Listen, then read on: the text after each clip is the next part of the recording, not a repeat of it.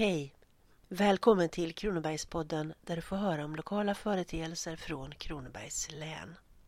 I det här avsnittet ska jag berätta om hur nyhetsrapporteringen från lokalpressen såg ut för ungefär 100 år sedan. Vad som skilde sig åt från dagens rubriker och vad som fortfarande är sig likt. De tidningar jag har tittat i är Smålandsposten och Nya Växjöbladet som då liksom nu var de mest tongivande lokala tidningarna. En stor skillnad mellan då och nu är tidningarnas format och omfång. För hundra år sedan, på 1920-talet, var det inte tabloidformat som gällde, det vill säga motsvarande A3, utan riktigt stora tidningar upp till cirka 50 gånger 70 centimeter. Tidningssidorna bestod inte av särskilt många bilder utan det var mest text och ganska finstilt sådan, ofta bara så stor som i den gamla tryckta telefonkatalogen. Många sidor innehöll bara text och inget annat. Bilder utgjordes främst av personfotografier och ibland något suddigt foto av någon byggnad eller liknande, men även av sparsamt illustrationsmaterial i annonsdelen som i förhållande till tidningarnas totala omfång av mellan fyra och åtta sidor utgjorde ungefär en fjärdedel av innehållet. I slutet av veckan utkom i båda tidningarna en extra bilaga vid namn Söndagsbilaga respektive Hembygden med helgläsning av artiklar av både skönlitterär och faktamässig karaktär av såväl namngivna artikelförfattare och pseudonymer.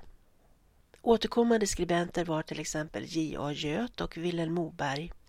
Göt skrev krönikor och kåserier och Moberg, som då var redaktör på Nya Veckobladets Alvesta-redaktion, publicerade noveller. Husmödrarna kunde få sitt lystmäte på ny inspiration i köket genom spalten Husmoderns avdelning i Nya Växjöbladet där några goda recept på både varmrätter och efterrätter varje vecka presenterades av hemkonsulenten Gustava Lund. Vad sägs om randad kompott på äpplen och apelsin, ostpudding à la Lucerne, panoscher till julbordet, vegetariska legymkotletter eller kokta svinöron.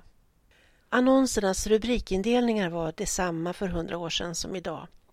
Tillkännagivandet av födslar, förlovningar, lysningar, vigslar och dödsfall uttrycker människans oföränderliga behov av att berätta om hur hennes liv går vidare. Kungörelserna från den tiden berättar om kyrkostämmor, konserter, sommarfester hos godtemplare, årsmöten och bolagsstämmor. Lediga platser till salu önskas köpa och kontaktannonser fanns som annonsrubriker precis som idag. Men där avslöjar sysselsättningarna, tilltalet och varorna en annan tid än den vi lever i. Hur många lystrar år 2020 till lediga tjänster som rockskräddare, buntmakare, husa, torvskärare, mjölkjungfru, gjutgodsrensare eller rotfruktsarbetare? Eller vad sägs om följande jobb att tacka ja till?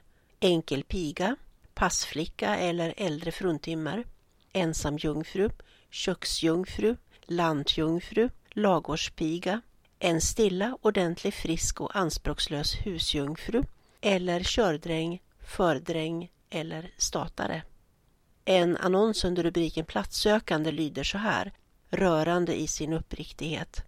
Ogift lantbrukares son, något nervös, önskar plats vid medelstort lantbruk. På lön fästes mindre avseende, mer vid god behandling. Svar inom åtta dagar till lantbrukares son, denna tidnings expedition, Växjö. Studerar man vad som fanns till salu så är det tydligt att det är bondesamhället som är förhärskande och avsätter sina varor även inne i städerna. Det som erbjuds är levande harar, holländsk marmelad innehållande 70% socker, norsk fetsill, isterfetsill, islandsfetsill och färsk makrill, skånska vackra grisar av god beskaffenhet, en slaktfet gris, gula kokärtor, avelsägg, killingar, hönsbengryn, en kallfärdig ko och en årsgammal get av god mjölkstam som väntar kid i denna månad. Och vidare tidningsmakulatur, fisknät, hö, prima svenskt linfrö, en nätt torgvagn och ett finfint lantbruk. Och så fanns det å andra sidan sådana som ville köpa varor såsom kreatursben, ölflaskor, stickylle, arbetshästar, värphöns, slagtröska droghalm och en ottoman. I fråga om kontaktannonser så är ordvalen andra än idag. Många män efterlyser fjällor rara och kvinnor vänder sig inte sällan till en herre bland den arbetande klassen. Godhjärtad är ett ofta uttryckt adjektiv som visar vilken sorts person man ville få kontakt med. En rörande annons med rubriken Eget barn från Nya Veckobladet som vittnar om både tidens sociala hjälpbehov och hur samhället kände sitt ansvar och försökte träda in där behovet fanns, lyder så här. Vilka vilja som eget barn ha en frisk, snäll, rar och duktig Karl-Erik, tre månader gammal? Svar till undertecknad Växjö landsförsamling den 12 juni 1925 för Fattigvårdsstyrelsen D. Lindahl. Men det var inte bara lokala nyheter, annonser och rapportering om stora världshändelser som fick utrymme i den tidens press. Också kuriosa från utlandet förekommer i rikt mått som till exempel den här muntert återgivna notisen med rubriken Ormen åt upp sig själv. Ett ytterst märkligt fenomen har inträffat i Zoologiska trädgården i Hamburg. Då man häromdagen skulle ge en av de stora boaormarna hans frukost fann man honom död i glashuset och hoptrasslad i en nästan outredbar härva. Olyckan tros ha gått till på det sättet att ormen, då han någon gång under nattens lopp låtit huvudet glida runt utefter glasväggarna, råkat på sin egen stjärt och tagit den som ett gott byte. Han har alltså huggit tänderna i det förmenta rovet och börjat svälja det. Efterhand torde det ha gått upp för honom att han begått ett misstag, men då har det varit för sent. Han har strukit med på frukosten. Man kan undra hur det skulle ha gått om han fått leva tills han hunnit äta upp sig själv fullständigt. Det som förvånat mig när jag bläddrat igenom dessa hundra år gamla tidningar är med vilken snabbhet nyheterna omsattes i tryck. Förklaringen är givetvis telegramfunktionen, vilken gjorde att nyheter också från utlandet kom i tryck redan nästa dag efter att de inträffat.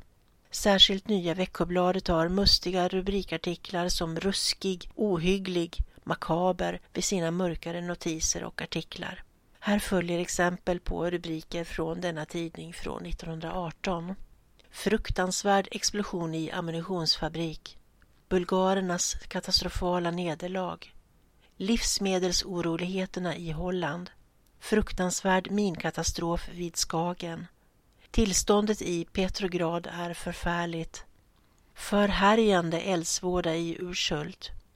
Den hemska järnvägsolyckan i Getå. En hemmansägare i Markaryd funnen död med ett krossår i huvudet. Den sista rubriken stod att läsa i tidningen den 20 november 1918. Redan dagen därpå kom en uppföljning av notisen angående det hemska mordet i Ulvaryd, Markaryd. Tvenne bröder Gullberg är misstänkta för att i rånsyfte ha mördat den 80-årige husägaren Johan Svensson. En av bröderna har flera gånger vistats på orten och då sett att den mördade städse burit på sig sedlar till stora belopp. En rättsmedicinsk undersökning ska företagas. Det som skiljer dåtidens nyhetsrapportering från dagens är inte händelserna i sig eller ens omfattningen av våld, även om det inte florerade lika många skjutvapen bland allmänheten och gängkriminalitet av det råa slag som finns idag också saknades. Men för övrigt tycks man ha levt i en minst lika tragisk, våldsam och olycksbemängd tid som under 2020-talet. Den stora skillnaden är att idag är nyheterna mycket mer knapphändiga och anonyma. För hundra år sedan fick man både veta namnen på de inblandade och ta del av många detaljer som definitivt inte skulle publiceras idag. Här följer några notiser. Den första är från Smålandsposten den 6 september 1918. Landsorten Självmord i sorg över sonens brott. Häromdagen hittades i Nyhamnen i Malmö liket av en kvinna. Vid undersökning har hon befunnits vara hustrun Ingrid Matilda Hansson, född 1866 och boende i Malmö. Hennes man är droskkusk. En son till henne är inblandad i en affär rörande stöld av potatismjöl, vilket tjuvarna gömt i Hanssons hem. Så fort hustru Hansson märkte att det stulna kommit inom hennes dörrar gick hon till polisen och anmälde förhållandet.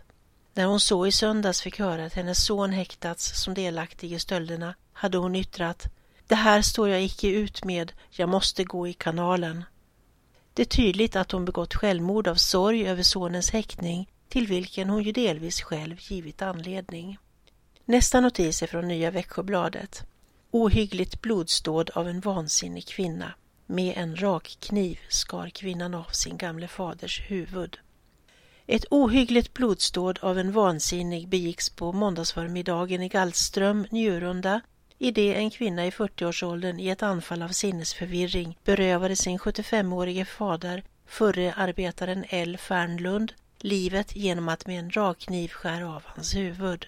Den gamle låg vid tillfället till sängs och ingen fanns i närheten som kunde förhindra dådet.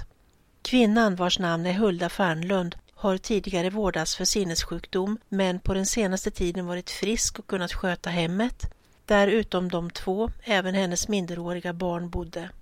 Barnen hade strax innan dramat gått till en granngård. Händelsen upptäcktes där genom att kvinnan själv anropade en förbipasserande person att komma in för att se vad hon gjort. Kvinnan, som nu är fullständigt virrig, har omhändertagits av myndigheterna. Och den sista notisen som vittnar om den extrema detaljrikedomen i nyhetsrapporteringen är också den från Nya Veckobladet från mitten av 1920-talet. Liket efter direktör T Lindblom anträffat. Lindblom hade krupit in i ett gryt och där tagit sitt liv. Från sitt hem i Oskarshamn försvann, som man erinrar sig, onsdagen den 20 augusti i fjol direktören vid Oskarshamns kopparverk T Lindblom. Han avreste med Rudatåget och steg av detta vid Skorpetorp. Man hade sedan sett honom gå järnvägslinjen tillbaka, men sedan var han spårlöst försvunnen. Allt sökande visade sig förgäves och man och man emellan uttalades allt allmännare den övertygelsen att Lindblom lyckats taga sig ut ur landet med en icke oansenlig penningsumma på fickan. Han efterlämnade som bekant vid Kopparverket en förskingring på över 100 000 kronor. Å andra sidan antogs det att Lindblom skulle begått självmord någonstans i skogen. I måndags meddelades att i ett gryt vid Sörvik anträffats liket av en man som icke torde varit någon annan än den försvunne Lindblom. Nämnda dag vore ett par statare från Sörviks gård sysselsatta med körning i skogen. En av dem begav sig därvid i något ärende upp i ett ganska stort och svårtillgängligt bergsgryt. Där upptäckte han plötsligt inuti en av grytgångarna liket av en mansperson. Kroppen, som hade huvudet bortsprängt och varav endast skelettet återstod, var iförd grå kläder och bruna skor, alltså samma dräkt som Lindblom skulle burit vid sitt försvinnande. Bredvid liket låg en revolver och stod en flaska med någon vätska. Anmälan om det ruskiga fyndet gjordes omedelbart till landsfiskal. Journalistspråket för hundra år sedan är av en art som i vissa avseenden knappast skulle tolereras idag. Dels i fråga om själva personbeskrivningarna och dels vad gäller journalisternas ibland raljerande ton när de återger händelser.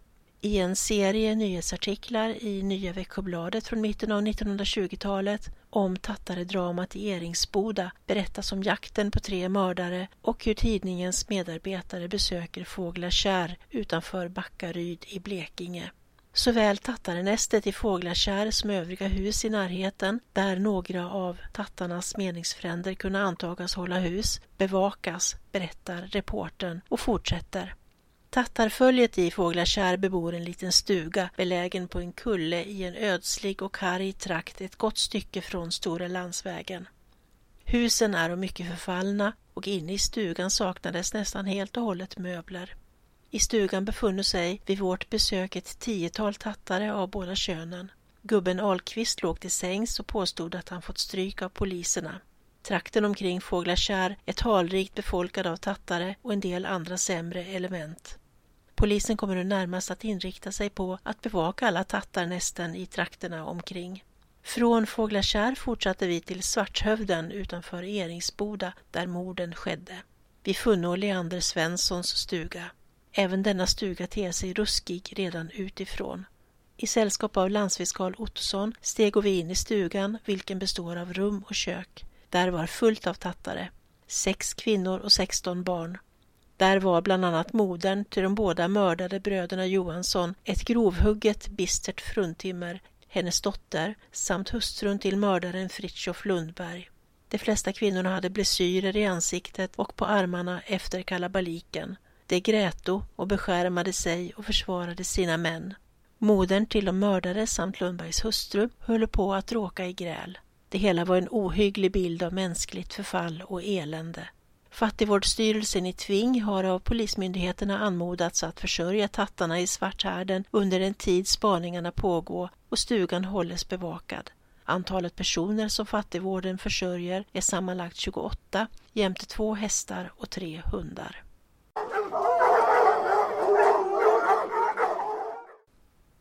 Men mycket är sig också likt och visar på en förvånande oföränderlighet. Jag tänker till exempel på hur Växjö stadsbibliotek under varje kulturnatt i slutet av januari säljer gallrade böcker till allmänheten. I Smålandsposten den 2 oktober 1918 står följande om Växjö stifts och gymnasiebibliotek. Kungliga Majestätet har medgivit att ur biblioteket må försäljas där städes befintliga obehövliga dupletter samt att härför influtna medel må användas till bestridande av kostnader för bibliotekets vård och utvidgning. I slutet av första världskriget spreds den pandemi som kallas spanska sjukan över hela världen. Det var den första av pandemier under 1900-talet det andra var asiaten 1956 till 58 med cirka 1,1 miljon döda och Hongkong-influensan 1968 till 70 med cirka 1 miljon döda. Men ingen pandemi var så omfattande som spanska sjukan. Man beräknar att 500 miljoner människor smittades och av dem dog mellan 10 och 20 procent, i runda tal åtminstone 50 miljoner vilket motsvarade 3-6 procent av den då totala befolkningen i världen. Spanska sjukan var en svår form av influensavirus som framförallt drabbade unga friska människor. Dess ursprung är okänt och pandemin höll i sig från 1918 och ända fram till mitten av 1920. De effekter denna farsot hade kan historiskt jämföras med den förödelse som både digerdöden på 1300-talet och den justinianska pesten hade. Den senare härjade i östra medelhavsområdet på 540-talet och främst i det bysantinska riket. Och farsoten återkom i olika intervall ända fram till mitten av 700-talet, inte mindre än 200 år efter dess första utbrott. Till Sverige kom spanska sjukan i juli 1918 den kom att betraktas som den största epidemi som härjat vårt land sedan pestens år i början av 1700-talet och koleraepidemin 1850. Mer än 10 000 personer insjuknade bara under denna första juli månad. Men ännu var det inte så många dödsfall. Smålandsposten rapporterade den 6 juli att ett 50-tal fall konstaterats i Hyllinge gruvsamhälle i Skåne. Man misstänkte att smittan hade kommit dit genom en arbetare som hade kommit från Christiania i Norge. Samtidigt konstaterades att över 80 000 barn och lika många vuxna drabbats av sjukdomen i Berlin, även om ännu inga dödsfall konstaterats utan att man tillfrisknade efter fem dagars feber. I mitten av juli spreds samtidigt kolera till Stockholm från Ryssland, där hela det europeiska Ryssland förklarats kolerasmittat. Men i slutet av månaden ökade antalet insjuknade i spanska sjukan. Den 31 juli hade elva dött i Stockholm, varav flera värnpliktiga. Flera hundra hade insjuknat vid Svea och Göta Livgarden och även en del av sjukhuspersonalen var smittad. I Växjö konstaterades ett femtontal fall, varav de flesta fallen bland maskinpersonalen vid Växjö tändsticksfabrik. Samtliga fall var emellertid av lindrig art och alla kunde vårdas hemma.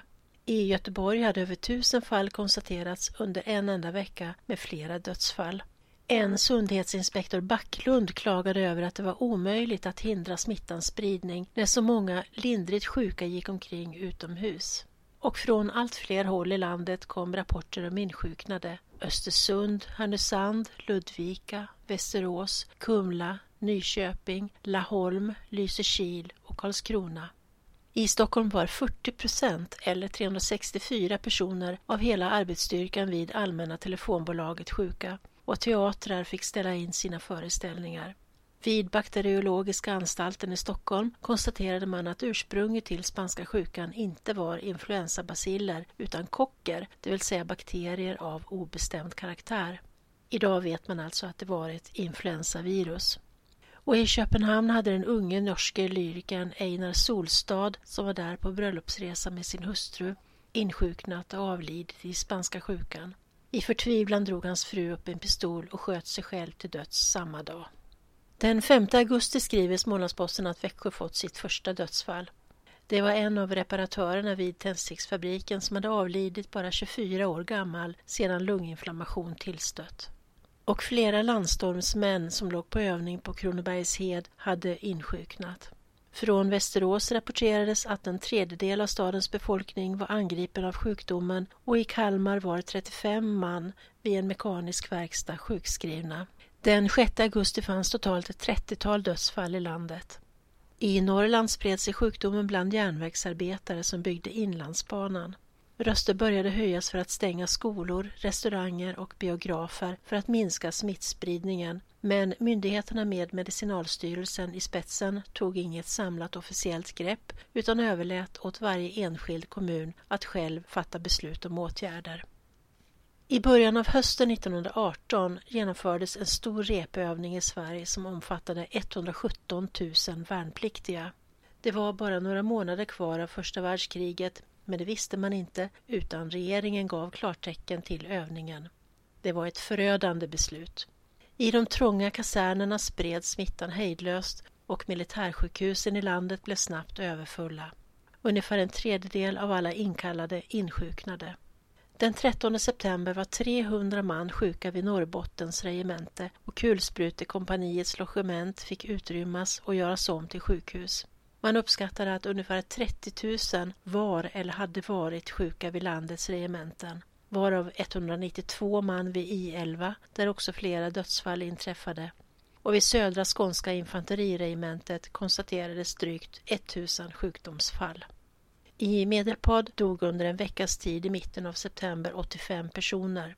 Professor Karl Petrén i Lund delgav allmänheten sina studier av sjukdomens förlopp och rådde alla som insjuknat att inte stiga upp för tidigt efter influensan utan stanna kvar i sängen tills febern är fullkomligt försvunnen samt all besvärande hosta, även ledes, är borta. Detta eftersom studiet av vidhängande lunginflammation visat att denna komplikation ofta inte uppträdde i början av influensan utan hos personer som redan hade nått till rekonvalescensen och hunnit stiga upp ehuru hosta ännu kvarstod. Överhuvudtaget var råden till de sjuka att vila, dricka mycket vätska och ta medicin för att få ner febern. Den 20 september fanns det i Västervik en eller flera personer insjuknade i nästan varje familj och i Växjö rapporterades samtidigt närmare 1000 personer vara sjuka och flera nya dödsfall inträffade, inte minst på Kronobergshed. Även stadsläkaren Dr. Goldcool hade insjuknat men befann sig emellertid på bättringsvägen. Dock var han inte disponibel att kunna vara i tjänst utan Dr. Valfrid Törnberg fick träda i hans ställe. Motvilligt eftersom han led av både hjärtfel och njurproblem och hade dragit sig tillbaka för att njuta en välbehövlig vila.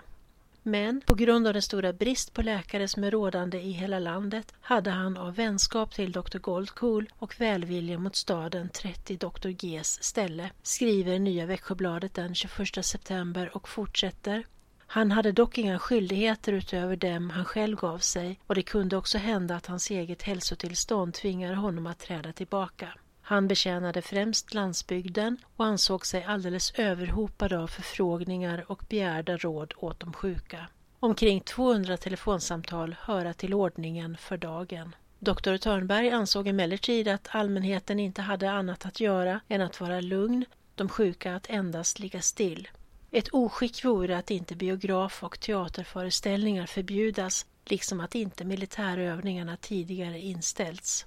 De värnpliktige medföra smittan både till och från lägerplatsen vid sina resor hem eller annorstädes. Skolorna ansåg Dr. T också böra stängas och framställning därom torde vara att vänta om epidemin fortsätter att utveckla sig lika hastigt som varit fallet sedan söndagen. Enligt vad läkarna på länets landsbygd förklarade hade spanska sjukan nu så gott som överallt en stark utbredning. och det var utan tvivel de hemvända värnpliktiga från repetitionsövningarna på Kronobergshed som fört smittan med sig. Ty strax efter deras hemkomst började sjukdomsfall inrapporteras från socknarna. Enligt en notis i Smålandsposten den 27 september påpekade också Jönköpings arbetarkommun i telefon till regeringen att just värnpliktsinkallelserna var orsaken till sjukdomens utbredning.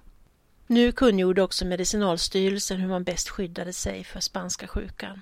Man förklarade att smittämnet finns i de sjukas upphostningar, i deras saliv, svalg och nässlem och i de fina spottdroppar som utslungas om den sjuke hostar med öppen mun, nyser och så vidare. All slags människoträngsel befordrar smittans överförande varvid sjukdomen ofta drabbar flera på samma arbetsplats samtidigt. Man rådde därför allmänheten att undvika smittohärdarna liksom folksamlingar och lokaler där människor är hopade. Håll er ren, framförallt om händerna och i munnen. Sörj för frisk luft inomhus och var ute så mycket som möjligt, lydde rekommendationen. Och den som var sjuk fick följande råd. Noggrann omvårdnad och isolering. Gå i säng så snart febern börjat och lämna ej sängen förrän febern är slut och återgå ej till arbetet innan ni känner er fullt frisk. Undvik att utsätta er omgivning för smittan och håll för den skull vid hosta munnen sluten eller näsduken för munnen. Det senare gäller även vid nysning. Arbetsgivare och skolmyndigheter fick rådet att tillse att de av sjukdomen angripna ej fortsatte sitt arbete på arbetsplatser och i skolor. Om epidemi går på orten bör skolornas öppnande uppskjutas till dess fyra veckor förflutit efter epidemins första början. Ännu fler dödsfall rapporterades under slutet av september från Växjö och Kronobergs läns landsbygd. Till exempel var över ett 70-tal arbetare insjuknade vid Klaverströms bruk, vartill kom ett flertal sjukdomsfall bland den övriga befolkningen på orten. Nu började man stänga allmänna tillställningar som biografer, offentliga fester, kabaréer och cirkusföreställningar. I Vänersborg stängdes Allmänna läroverket samt Flickläroverket och i Arvika ställde man vid Arvikaverken in driften på en del avdelningar varvid omkring 1000 man blev lediga. Och i Växjö utfärdade hälsovårdsnämnden förbud mellan den 2 och 15 oktober för danstillställningar och biografförevisningar. Några dagar därefter stängdes också Växjö teater. Nämnden stipulerade ett så pass högt belopp som 100 kronor i böter för var gång förbudet överträddes. Och sjukkassan Sankt Sigfrid i Växjö såg sig nödsakad att skriva till Socialstyrelsen om hjälp för alla sjukhjälpskrav som strömmade in till dem från dess medlemmar. Frågan väckte samtidigt ifall inte en enda gemensam sjukkassa för hela staden kunde inrättas för att bli mer kapitalstark och vara bättre skickad att möta alla av en epidemi uppkommande eventualiteter. Den 4 oktober ägde inte mindre än sju jordfästningar rum på Växjö kyrkogård.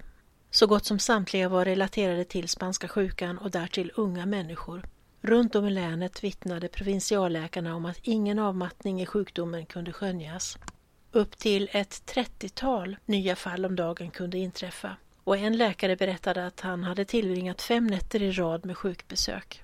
Doktor Wettervik i Ryd var själv ett av de första offren i sitt distrikt men samma dag han konstaterade att han hade 40,5 graders feber måste han bege sig ut på en lång sjukresa till häst och sedan dess har han utan vila varje dygn varit i arbete trots fortsatt sjukdom. En, två eller tre sjukresor har måste göras varje dag, stundom 4,5 mil långa och efter hemkomsten har det varit den ordinarie praktiken. Doktorn är icke återställd ännu och någon vikarie är så gott som omöjligt att få. Det har blivit en rent ohygglig tid, utbrister han. Detta enligt Smålandsposten. I Trollhättan utsträckte hälsovårdsnämnden en vecka senare förbudet mot folksamlingar till att gälla även religiösa sammankomster. Och i Malmö påpekades nödvändigheten av att omhänderta barn i familjer där både man och hustru angripits av sjukdomen och inte låta barnen fördelas på andra familjer varigenom sjukdomen kunde spridas. I Kalmar stängdes Högre allmänna läroverket och i Köpenhamn samtliga skolor. I Göteborg var tillströmningen av patienter så stor att man vid Salgrenska sjukhuset nödgades i order till ambulansen att ej hämta flera patienter. Och i Hovmantorp fanns knappast något hem där ej någon eller några varit sjuka. Den 12 mars 1919 skrev Smålandsposten att en London-bakteriolog hade konstaterat att spanska sjukan vållas av den Pfeifferska bakterien, vilken åsikt också de flesta svenska och danska läkare delar. Spanska sjukan skulle därför vara identisk med vanlig influensa som orsakas av samma bakterie. Dock medverkar vid spanska sjukan såväl var som lunginflammationsbakterier. Här och var blossade epidemin upp på nytt, till exempel i Lammhultstrakten under maj månad, där i en del familjer nästan alla medlemmar insjuknade. Hälsovårdsnämnden ställde därför tills vidare in all undervisning vid små och folkskolorna. Likaså hemsökte sjukdomen Stockholms regementen genom nya rekryter. I själva verket kulminerade sjukdomen i Sverige under oktober-november 1918. Men i slutet av juni 1919 var det värsta av dess framfart förbi, ett år efter att epidemin hade blossat upp. Facit visade att södra Sverige uppvisade färre dödsfall än i norr eftersom många i söder insjuknade i den första lindrigare versionen av influensan. I avlägsna delar av Norrland slog sjukdomen nämligen allvarligt till så sent som 1920 och skördade många liv, till exempel i Jämtland och Arjeplog. Det finns flera likheter mellan spanska sjukan och corona, både i fråga om spridningsvägar, symptom, hälsorekommendationer, samhällets sätt att handha epidemin och den stora akuta bristen på läkare och sjuksköterskor. I Sverige dog närmare 40 000 personer i spanska sjukan. Långt fler dödsoffer än vi har anledning att tro att corona ska komma att skörda. Då och nu uppvisar både likheter och olikheter. Även fast samhället förändras så kvarstår viss grundproblematik när problemen hopar sig på allvar. Ett står dock fast och det är att oavsett i vilken tid man lever så är det här och nu som gäller för den enskilda. Det är i detta nuet som vi har vår verklighet. Det visar tidsresan hundra år tillbaka genom bibliotekets gamla tidningslägg. Jag som har berättat är som vanligt Ella Styv, bibliotekarie på Växjö stadsbibliotek.